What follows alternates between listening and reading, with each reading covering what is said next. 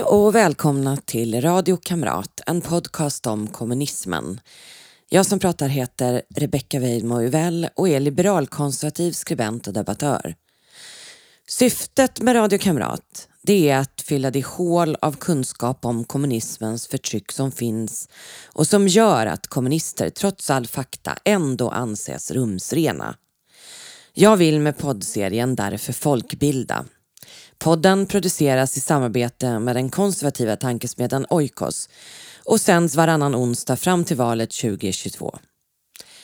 Vill ni som stödjer mitt initiativ om folkbildning om kommunism bidra kan ni swisha till 123 444 5847. Eller så blir ni Patreon på patreon.com och sök efter Rebecca Weidmo så hittar ni mig där. Sponsra med en dollar per månad och uppåt. Har du inte möjlighet att stödja podden finansiellt så uppskattar jag verkligen om du tipsar andra om den och sprider avsnitten så vi tillsammans kan skapa så mycket uppmärksamhet som möjligt om kommunismens historia. Tillbaka till den svenska vänstern som årets program kommer handla om åtskilliga gånger. Det här avsnittet är till skillnad från många andra i huvudsak byggt på en enda bok för något år sedan kom Fredrik Malm ut med en bok om sin släkting.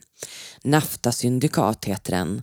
Och boken handlar om hur Sovjets bensinbolag Naftasyndikat finansierade det svenska vänsterpartiet.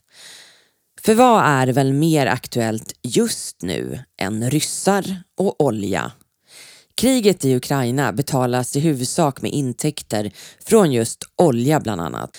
Det är på rysk olja Sovjetunionen uppstod och det är tack vare den som den till exempel kunde finansiera svenska vänsterpartiet kommunisterna tills järnridån föll 1989. I dagens avsnitt får ni lära er mer om Vänsterpartiets smutsiga historia. Domes höger går tillbaks en 20 år Herr Olin ska tvingas in på samma spår. Vi ska helt fördärva chansen för den svenska storfinansen som i Folkpartiet såg sin nya vår. Kommunisterna marscherar fram. Kommunisterna marscherar fram. Borgarstopp i överklacken, bättre fart i utförsbacken. Snipp, snipp för även det som återstår.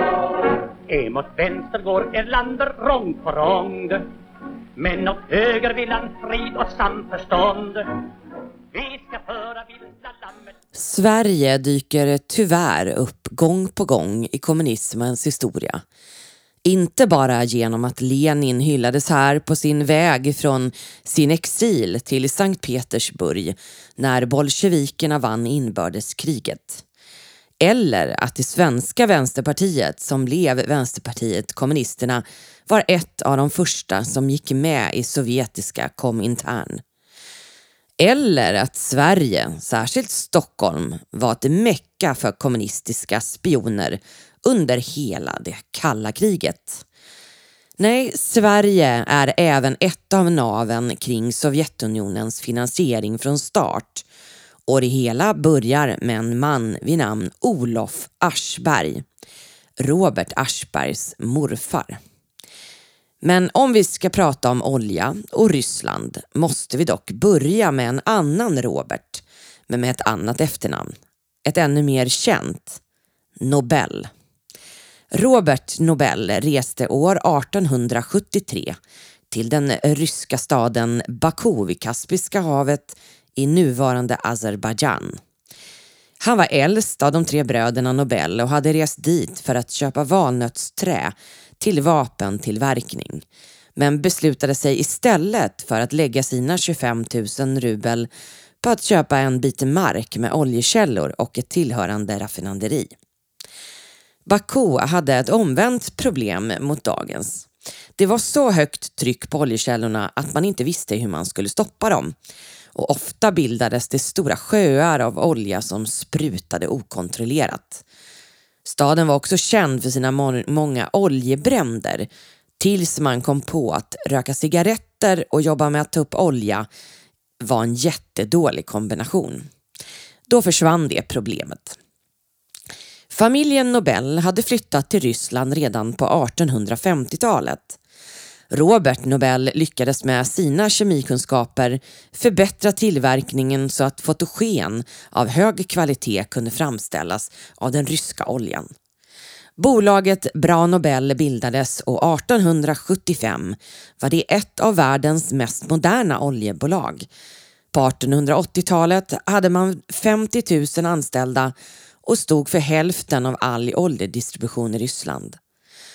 Företaget uppfann flera viktiga saker under sin tid.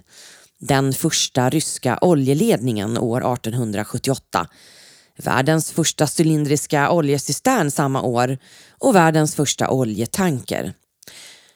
1886 avled både Alfred och Ludvig Nobel och bolaget togs över av olika söner. 1903 utbröt spontana strejker vid oljefälten. En del i själva verket organiserade av kommunisterna. En viss brysk georgier som kallades Stålmannen besökte oljefälten i Baku 1907, mer känd under namnet Stalin. 1917 kom som bekant ryska revolutionen. Nobels företag togs av bolsjevikerna, som alla privata företag. Sovjetunionen byggdes upp med stulna pengar, bland annat det bolsjevikerna stal från familjen Nobel. En intressant detalj om Nobels oljebolag är att en femtedel av kapitalet som finansierar Nobelpriset ursprungligen kom från just oljeintäkterna i Baku.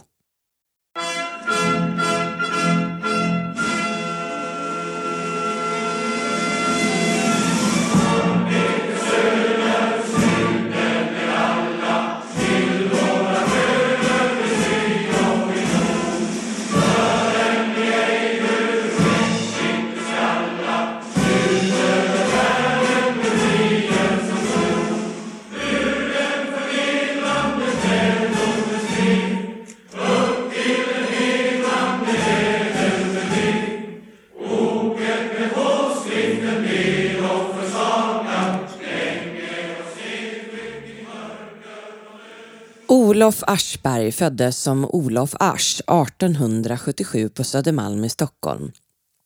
Han var barn till judiska ryska migranter och hans föräldrar kom till Sverige fattiga men byggde upp en förmögenhet själva på möbelhandel.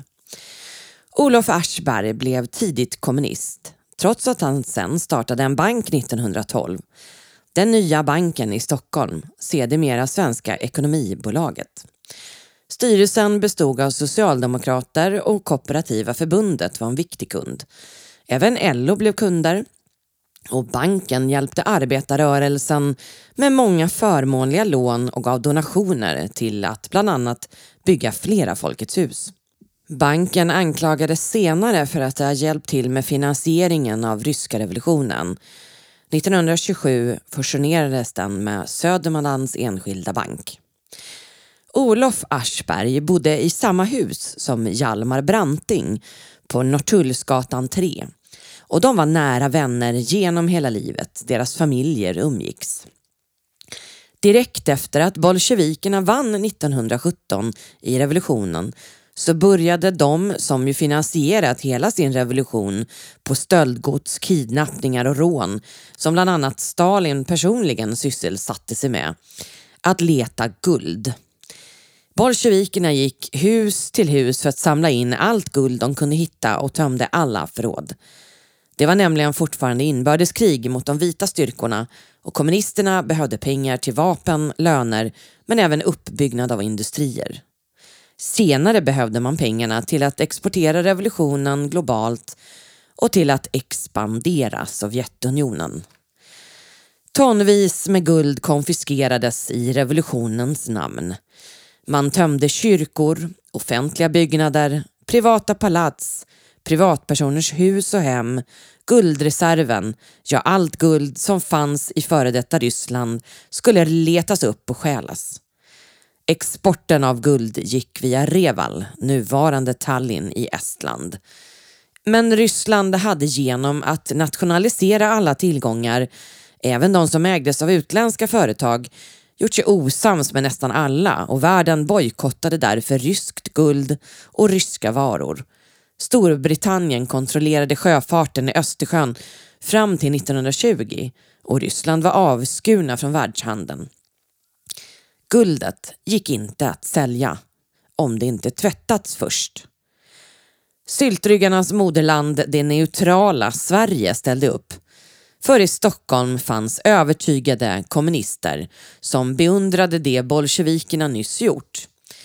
Är man på ytan neutral kan man nämligen handla med alla, i smyg. Vilket Sverige bevisat gång på gång på gång genom historien.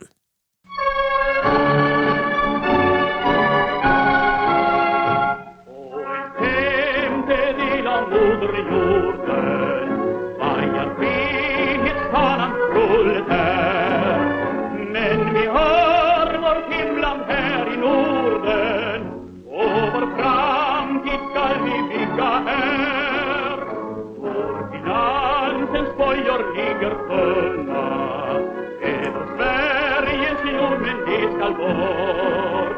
Även ni skall en kunna sjunga Tonvis med guld fraktades från Reval till Stockholm.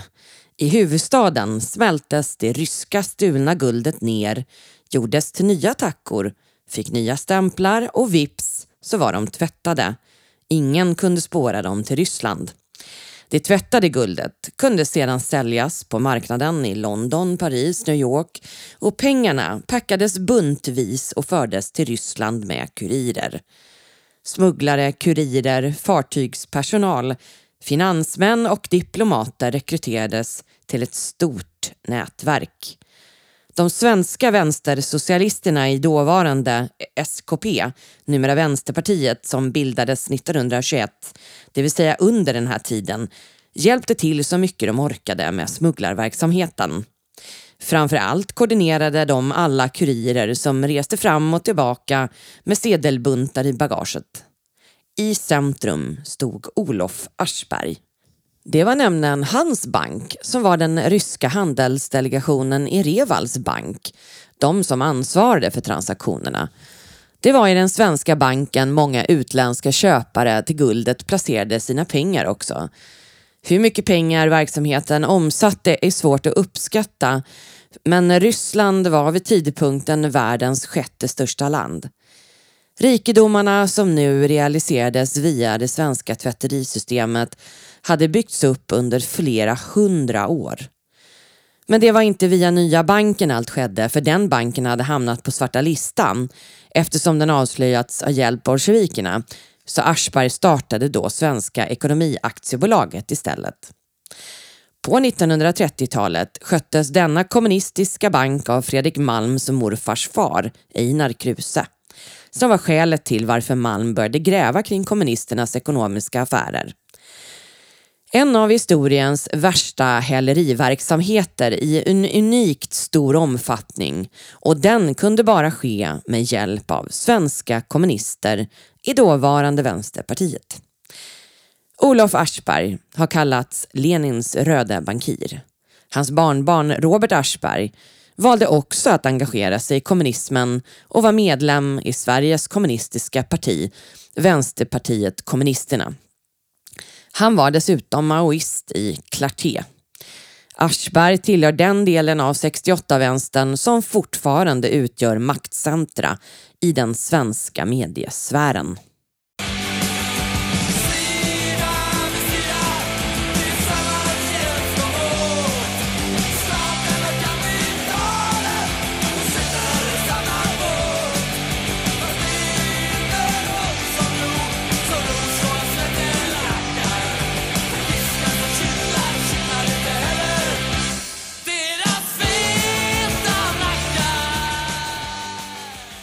Så ett svenskt företag och dess tillgångar stals av Lenin för att finansiera revolutionens andra del och en svensk bankir blev Lenins röda bankir i en av världshistoriens värsta hälerihärvor där Stockholm var centrum. och den röda bankiren, avlönad av Lenins blodspengar, hade goda kontakter ända in i den socialdemokratiska regeringen. Som jag nämnde bodde Aschberg och Hjalmar Branting grannar i det hus på Norrtullsgatan 3 som Branting ärvde av sin far. Brantings barn Georg och Sonja var med och grundade Svenska Ekonomiaktiebolaget 1917 och satt i dess styrelse som i sin tur gav styrelsearvode. Genom sina goda kontakter in i arbetarrörelsen fick Aschberg i gengäld tillgång till kunder och kunde locka tusentals att placera sina sparpengar i hans bank och köpa andelar i hans bolag. Staten och kapitalet i samma båt, bokstavligen, och hus. Branting hade konstant ont om pengar och det var en öppen hemlighet inom partiet att Branting sponsrades av Olof Aschberg på olika sätt. Men Branting skyddades på andra sätt och media har inte granskat makten på det sätt som de gör historiskt så länge. Under lång tid var det alldeles för nära band mellan media och politik.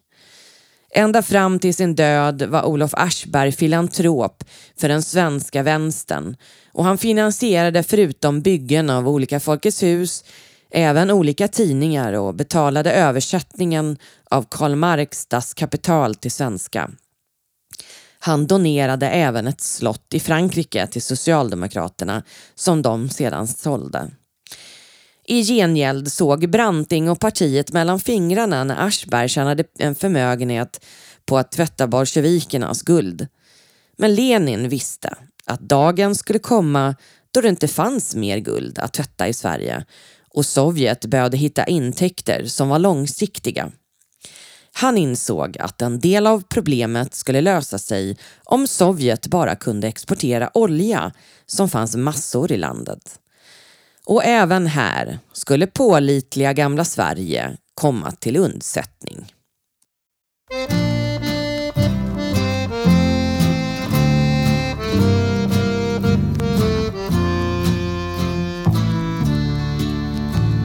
Vi kommer från fabriker, från byggen och kontor.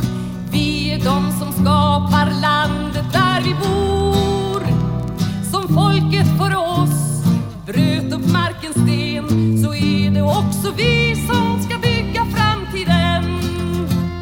Men landet som vi älskar med skogens dunkla djup fabriker, stån och släp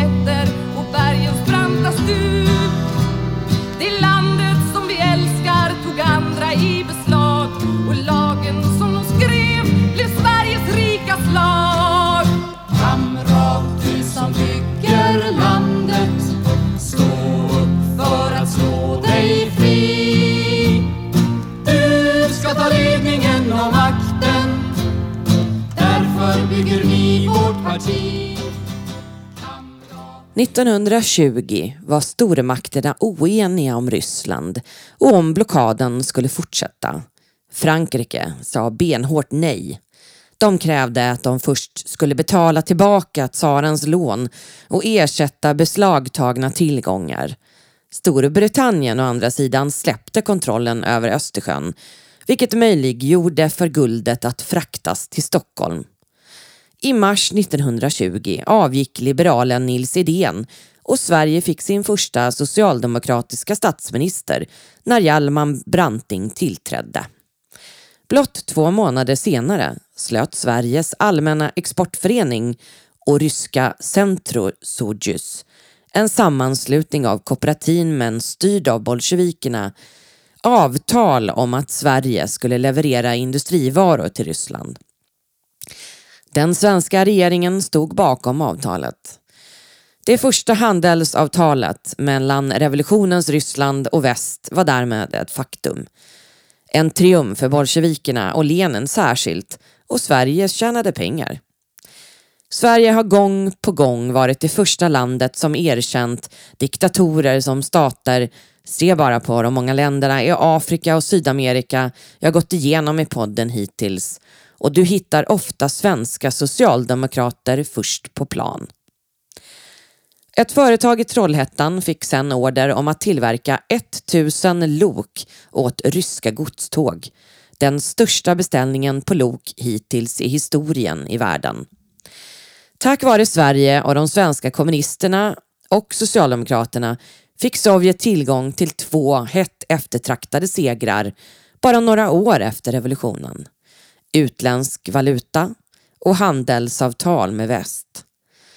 Samtidigt fick den ryska handelsdelegationen officiell status i Sverige och ännu fler möjligheter för de sovjetiska kommunisterna öppnade sig. Bingo för bolsjevikerna, tack vare svenska socialdemokratin.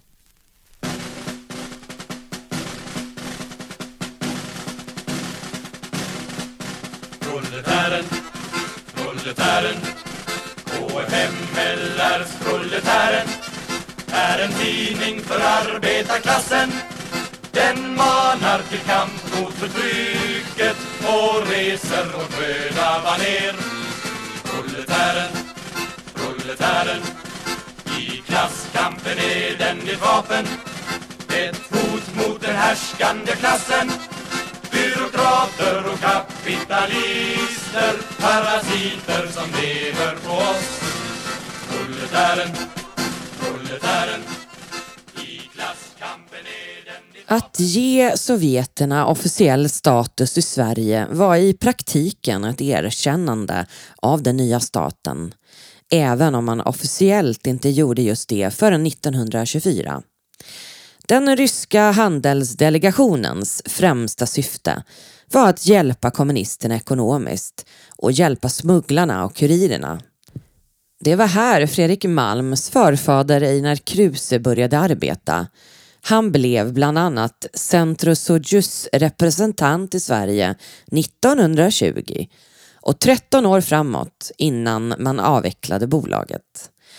Det var som chef där han började bygga viktiga nätverk med Kooperativa förbundet i Sverige, en del av sossarna då som nu. Samma år, 1920, tog bolsjevikerna kontroll över det attraktiva Baku med alla sina oljefält och utbyggnaden av oljeindustrin ingick i Stalins första femårsplan 1928 till 1932. Men det krävdes massa arbetskraft. Så parallellt byggdes lägerstrukturen Gulag upp med hög hastighet och bara söder om Baku fanns fyra läger med gratis arbetskraft. I mars 1931 gratulerade Stalin oljearbetarna i Baku till att ha uppfyllt femårsplanen på halva tiden. Uppfyllt tack vare lidande, förtryck och även död av tiotusentals slavarbetare.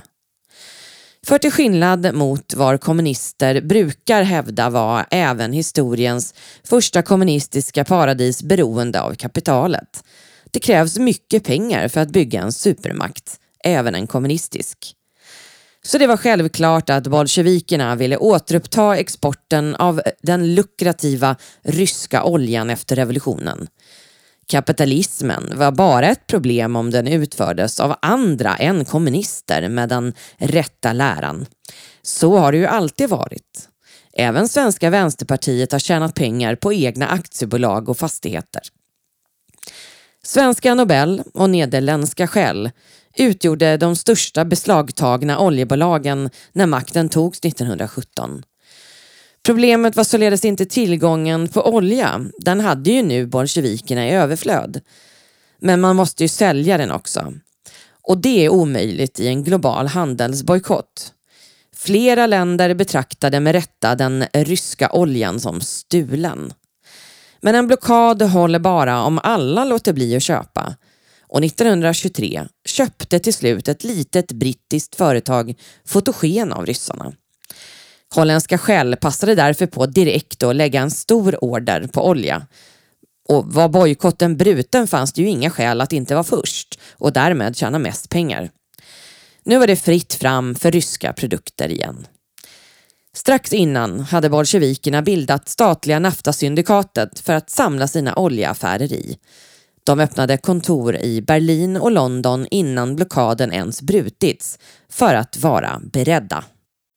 Tror du på frihet och människorätt?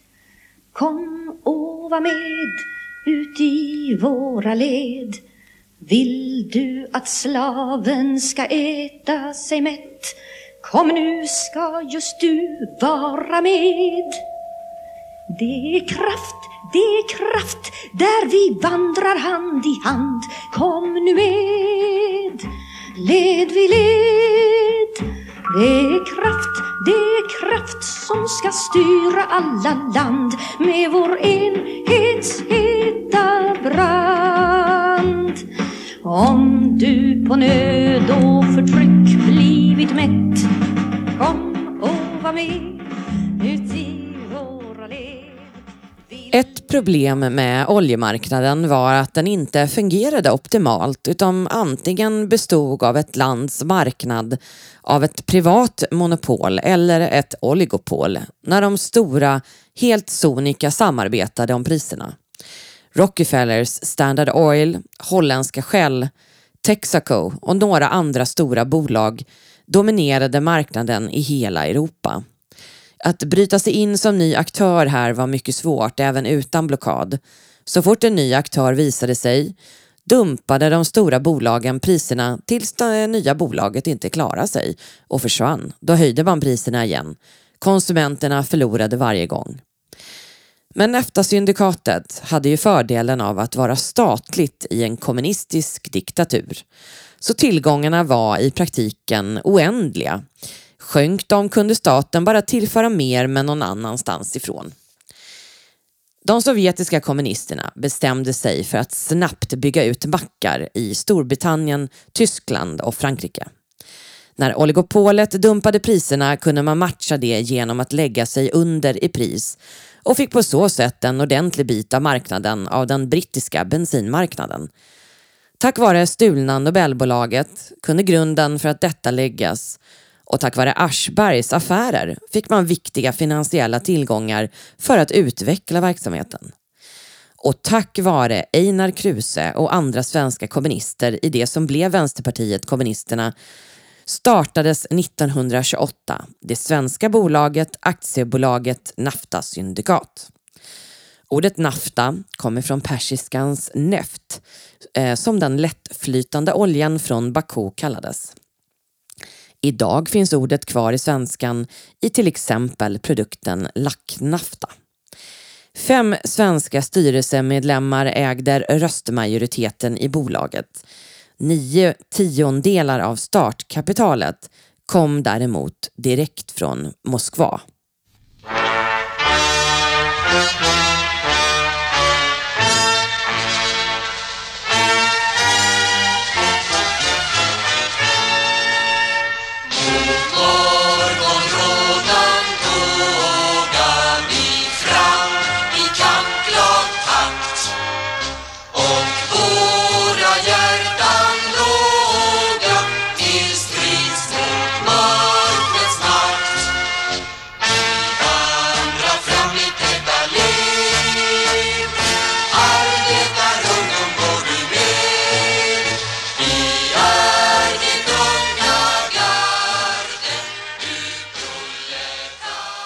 Det var under samma tid som Sovjet etablerade bolag runt om i Europa där startkapitalet kom från Moskva medan styrelsen besattes med Sovjetlojala i respektive land.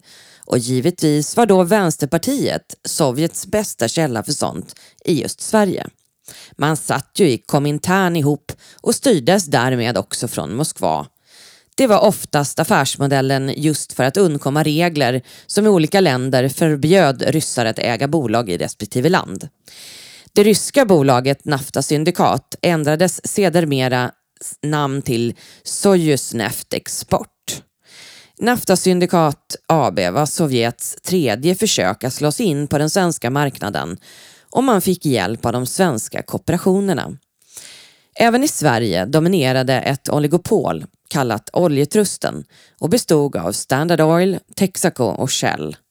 Priserna hölls uppe och konsumenterna drabbades av höga drivmedelspriser. Värst drabbade var yrkestrafiken. De började därför köpa bränsle ihop och 1915 bildade 60 taxiförare Droskägarnas inköpsförening. 1926 blev det Bilägarnas inköpscentral som sedermera blev OK. Inköpsföreningarna var väldigt intresserade av att nya bolag etablerades för att häva oljetrustens kontroll, alldeles oavsett om det skulle ske med rysk olja. Ironin är påtaglig. Det som sedermera blev en del av Socialdemokraterna, OK, drevs från början av kapitalistiska skäl att skapa en bättre marknad och med hjälp av den kunde ryska kommunister tjäna pengar på olja i hela Europa till slut. 1930 finansierade Kooperativa förbundet oljecisterner på Loudden bredvid Frihamnen i Stockholm och i Helsingborg och arrenderade ut dem till naftasyndikat. Via den nya oljehamnen kunde bröderna Nobels uppfinning tankfartyget lossa sina laster från Sovjet. När oljetrusten försökte med sitt priskrig ökade man expansionen och pumpade in pengar i bolaget. Vid årsskiftet 1930-31 fanns 451 naftamackar i Sverige. 1932 arbetade 800 personer i Sverige på naftasyndikat. På pappret var bolaget svenskt. Men i praktiken var det nära kopplat till Sovjetunionens ambassad i Stockholm och var ett verktyg för Komintern och underrättelsetjänsten för att spionera på Sverige. Bolaget bestod av två avdelningar, en rysk och en svensk, där den senare leddes av just Einar Kruse. Den svenska delen bestod i sin tur av personal som var politisk och kom direkt från Vänsterpartiets föregångare SKP och personal som inte var politisk. De opolitiska förstod oftast inte att företaget användes för spioneri, även om några faktiskt slog larm. Dels var den ryska personalen misstänkt ointresserad av själva oljeföretagandet, men desto mer intresserade av svensk infrastruktur. Och dels var de tolkar som den ryska delen fick i praktiken alltid medlemmar i kommunistpartiet, som i sin tur fick en del av sin träning av ryssarna. Man bytte helt enkelt spioneri mot kommunistisk rysk indoktrinering. Vänsterpartiets före detta partiledare Sven Linderoth var till exempel en av de partimedlemmar som följde med ryssar som påstods vara kontrollanter. Det vill säga, han fick utbildning av det ryska kommunistpartiet man var en förlängd del av. Hjärtman och Wadström hette två före detta chefer på naftasyndikat som anmälde bolaget till polisen. Och det visade sig när polisen undersökte verksamheten närmare att 150 sovjetiska medborgare kommit till Sverige för att antingen arbeta på handelsdelegationen eller NAFTA bara på ett år 1931. Och folk bytte hattar också. De kom hit för att jobba på den ena och bytte till den andra. Med förevändningen att rekognosera för nya mackar kunde ryssarna kartlägga allt möjligt. Vägar, hamnar, kustområden, vattendjup, vägarnas hållfasthet, avstånd, flygplatser och bebyggelse.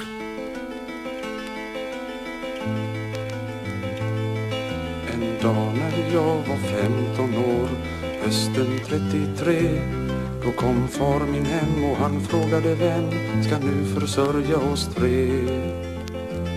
Han hade sparkats från sitt jobb den dagen, han och många fler.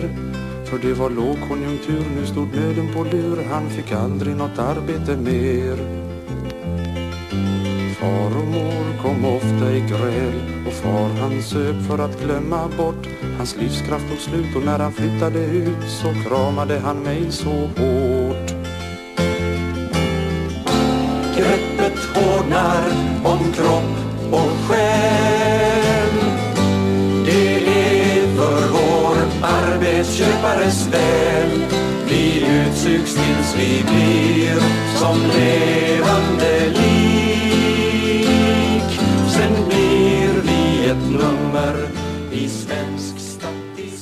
Men att pumpa in pengar i verksamheten med dumpade marknadspriser kostade och det skulle finnas en slutpunkt om inget förändrades. Redan 1929 gav man upp i Storbritannien och anslöt sig istället till trusten. Målet var ju uppnått om att etablera sig på marknaden. 1932 anslöt man sig i Sverige och konsumenterna fick återigen se höga priser på drivmedel för att oljetrusten styrde priset. Sossarna krävde vid tidpunkten politiskt ett statligt bensinmonopol men det fanns aldrig tillräckligt stöd i riksdagen. Kooperationerna motsatte sig också monopol. Under hela den här tiden ska man inte glömma att Socialdemokraterna och framförallt LO hatade kommunisterna men inte på grund av revolutionen eller Sovjet utan av rent egoistiska skäl. För de rekryterade medlemmar bland arbetare och underminerade därmed Socialdemokraternas makt. Det har alltid handlat om det.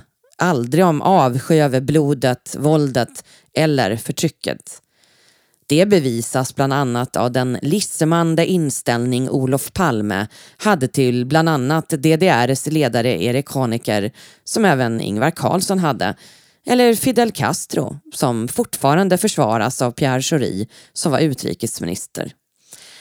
Den påstådda avskyn mot kommunisterna har och handlar bara om konkurrens om väljare, inte om innehållet. År 1937 såldes Nafta syndikat och mackarna bytte namn till Gulf. Ett varumärke som fortfarande finns kvar globalt. Ryssarna åkte hem. Det svenska äventyret var över, men ingalunda Vänsterpartiets affärer med Sovjetunionen. De bestod till 1989.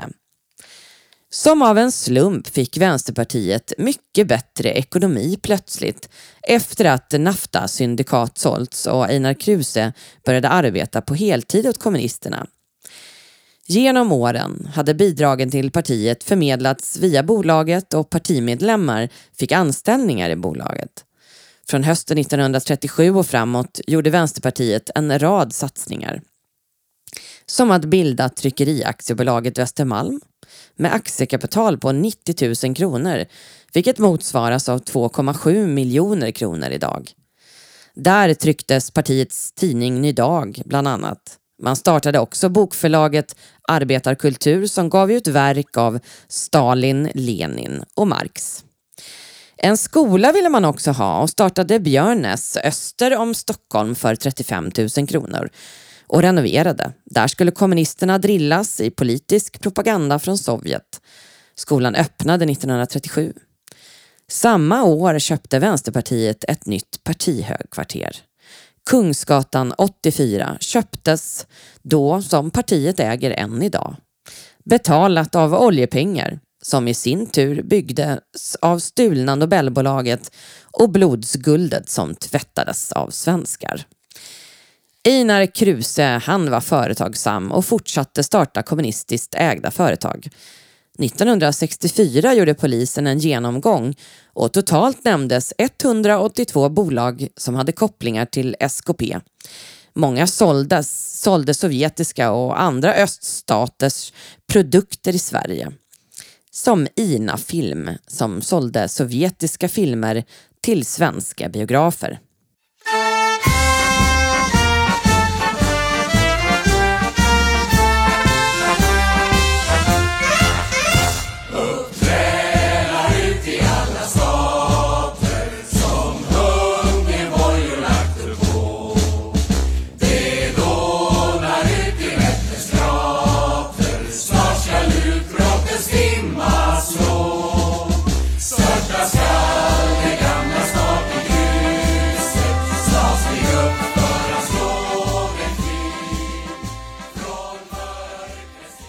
Det ni hörde precis var Socialdemokraternas jubileumskör där ni kunde höra bland annat Annika Strandhäll, eh, Ann Linde, Thomas Eneroth och LO-ordföranden sjunga den socialistiska slagdängan.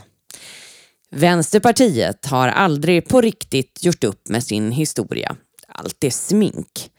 Idag när Putins olja betalar kriget mot Ukraina är det viktigt att påminna om historien att rysk olja finansierade uppbyggnaden av förtryckarstaten Sovjetunionen och att svenska vänsterpartister aldrig har haft något problem med att ta blod på sina händer.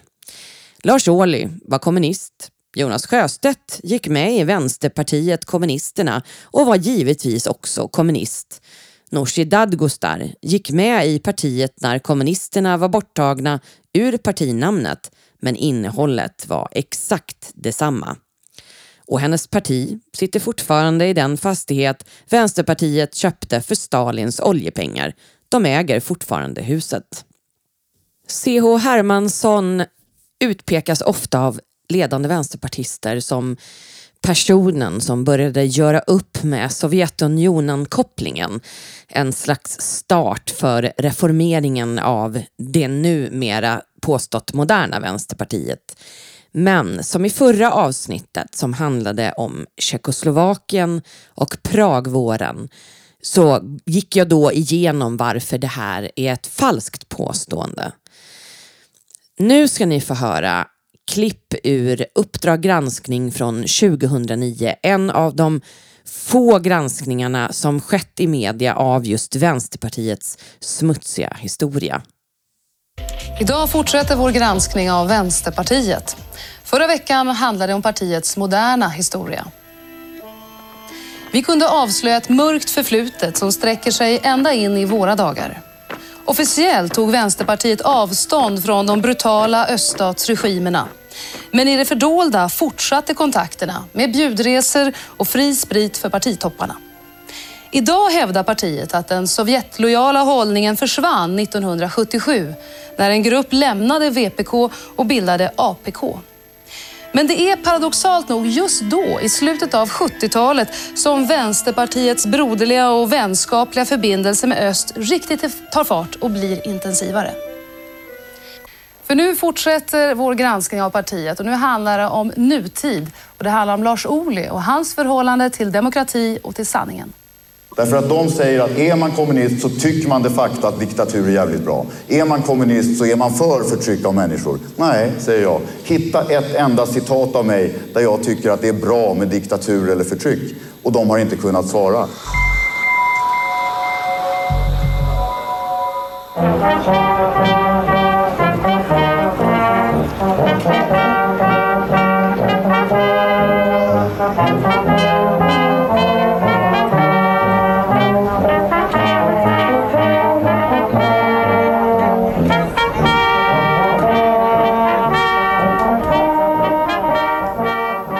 Du får svårt att hitta att jag har på något sätt arbetat för diktatur eller för den partiteori som, som på något sätt förminskar demokratin. Tvärtom så tror jag att det är få som skulle kunna ifrågasätta mitt demokratiska engagemang. Och i allting jag har gjort så har just det varit ledstjärnan. Jag menar att jag har aldrig någonsin försvarat diktatur. Frågan var, försvarar du då Sovjetunionens övergrepp? Nej. Men gymnasieungdomarna i Helsingborg fick aldrig veta att han under Sovjettiden mycket tydligt markerade sin inställning till kommunistländerna i öst och synen på demokrati.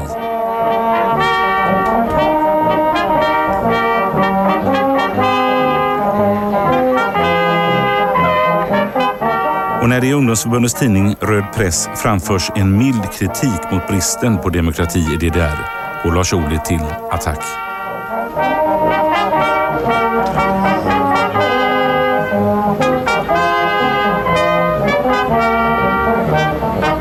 Vad menar du med att det var en borgerlig myt att skriva att det inte rådde pressfrihet i DDR? Hur tänkte du? Ja, det kan jag inte veta. Men, men däremot så var det ett sätt att försöka förmildra en kritik för att vi hade en förhoppning om att de här länderna skulle kunna spela en positiv roll. Och den var möjligtvis naiv, men, men så var det på 80-talet. Dieser Artikel, der kritisiert wurde, der hat ja die Realität in der DDR beschrieben. Sehr milde und noch sehr vorsichtig, aber er hat die Realität beschrieben.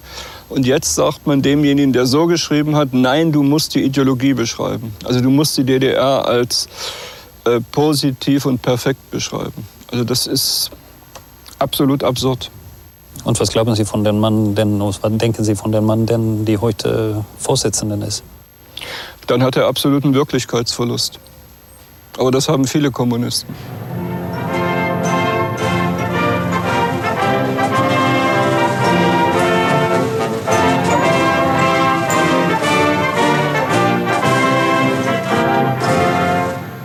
Vid ett annat tillfälle handlade det om Polen. När partiets tidning Ny Dag uttalar kritik mot militärens maktövertagande och att strejkande arbetare skjutits ihjäl. ja då attackerar Lars Ohly tidningen för att man skriver att länderna i öst inte längre är några positiva exempel. Jag vet inte riktigt för att jag har inte sett det här. Men... Du har själv skrivit under med din egen anteckning. Om du tittar här.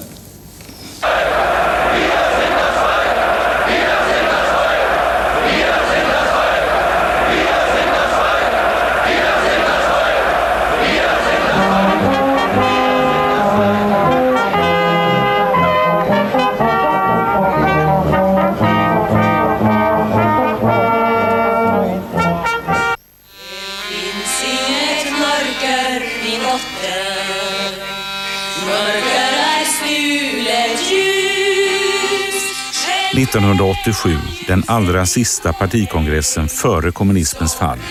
De utländska representanterna från diktaturerna i öst är alla inbjudna som gäster. Grutzmacher från Tysklands socialistiska enhetsparti. Jong-Pyo från Koreas arbetarparti. från Kinas kommunistiska parti. Eugen Voroseikin från Sovjetunionens kommunistiska parti.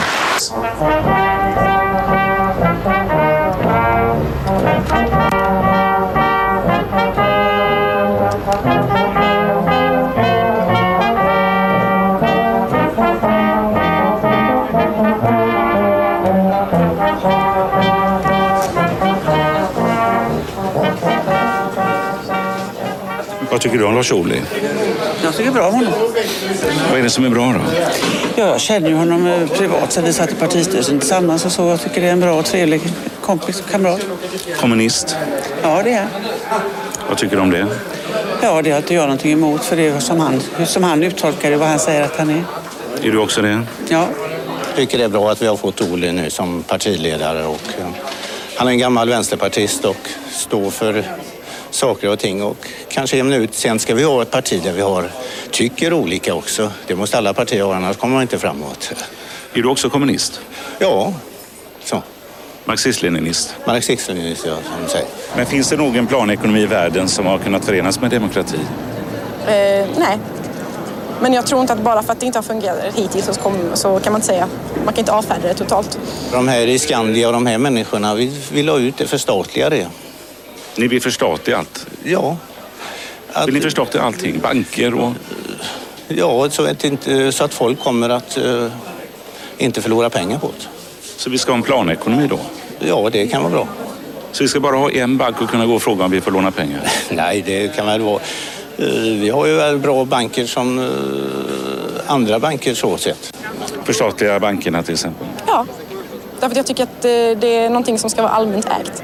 Så det ska finnas en statlig bank då? Eh, just hur det ska organiseras kan inte jag uttala mig om just nu. Eh, för att jag har liksom inte satt mig in i det. och Sådär. Det är inte så att jag tror att kommunismen kommer komma imorgon. Eh, och därför så har inte jag satt mig och gjort någon plan över det. Jag vet vad Lars Ohly står för idag och jag vet att han, han har hela tiden tagit avstånd från, från eh, VPK innan VPK tog avstånd från, eh, från Sovjet. Så att säga. Det känner jag till. Vad har han tagit avstånd från sa du? Från, eh, från SKP och VPK innan VPK tog avstånd ifrån Sovjetkommunismen. Tog han avstånd från Sovjetkommunism? Ja, det vill jag bestämt hävda att jag har hört. Lars Ohly har själv mycket framgångsrikt lyckats skriva sin egen historia. Så att många medlemmar tror att han aldrig har försvarat östdiktaturen. 2011 så fick Vänsterpartiet en ny partiledare, Jonas Sjöstedt. Här hör ni honom i en utfrågning inför valet 2018. Eh, är det ett socialistiskt samhälle som är Vänsterpartiets mål? Ja, det är det ju. En demokratisk socialism är vårt mål. Och om man läser då i ert partiprogram så står det att ni vill avskaffa kapitalismen. Ni skriver också att ni vill upphäva ägandet av produktionsmedlen, såväl det samhälleliga som det privata. Vad betyder det konkret att ägandet ska upphävas? Vi vill ju ha mer av ett gemensamt ägande. Det kan se ut på olika sätt. Det kan vara direkt löntagarägande. Det kan vara att vi använder de pensionspengar som vi faktiskt redan har och använder dem för det gemensammas bästa. Här står det att ni ska upphäva eh, ägandet. Tanken är ju i ett långsiktigt mål att man så att säga äger sin arbetsplats gemensamt. Det är ju en sorts klassisk definition av socialismen. Som är Men är det, jag bara tänker, vad ska hända med privata företag som H&M eller IKEA? Ja, det innebär ju att det huvudsakliga ägandet i samhället, framförallt av stora företag och banker, det är det gemensamma ägandet. Så, Så vem ska äga då? Eller hur ska Ikea och Hennes & Ja, det kan vara olika drivas? former. Det kan vara att de som arbetar där äger. Det finns sådana företag i Sverige idag. Så man undrar, liksom, vem ska göra möbler? Vem ska göra kläder? Om IKEA och H&M ska staten göra det? Och finns det då något samhälle idag som, där, det har, där man har genomfört det här och där det verkligen Där fungerar? kapitalismen är avskaffad och så, där det har fungerat. Jag, jag, jag kan inte säga att det finns ett sånt idealsamhälle. Och för mig är det en strävan mot det samhälle som jag tycker är gott. Har du några exempel ur historien på att socialismen har genomförts på det sätt som ni vill göra? Avskaffa kapitalismen, avskaffa ägandet och så. Jag skulle säga att det bästa i det svenska samhället har skapats av arbetarrörelsen och socialistiska tankar. Fast i det svenska samhället är ju inte liksom Nej, kapitalismen nej, nej, det är inte färdigt på något Men sätt. har du något annat exempel? För det finns ju, om du vill att jag ska räkna upp några som har försökt. Ett parti med sådana mål, är det inte ganska rimligt att kalla det ett ytterkantsparti då? Nej, jag tycker inte det. Om man ser på vår politik, vad vi gör för någonting för att gå ditåt. När vi fixar glasögon till barn, fria mediciner, en bättre välfärd, så tror jag att de flesta människor håller med om det. Att det är någonting rimligt. Jag tror också att de flesta människorna tycker att det är helt absurt. Det finns mycket mer kring Vänsterpartiet och jag kommer att återkomma till dem regelbundet fram till valet. Men nu är det slut för den här gången. Tack för att ni lyssnat. Podden produceras nu i samarbete med den konservativa tankesmedjan Oikos. Sponsra projektet genom att bli Patreon på patreon.com eller swish 123 444 5847. Och berätta gärna för fler om podden, för ju fler som lyssnar, desto mer påverkar vi. Tack för att ni lyssnat. På återseende.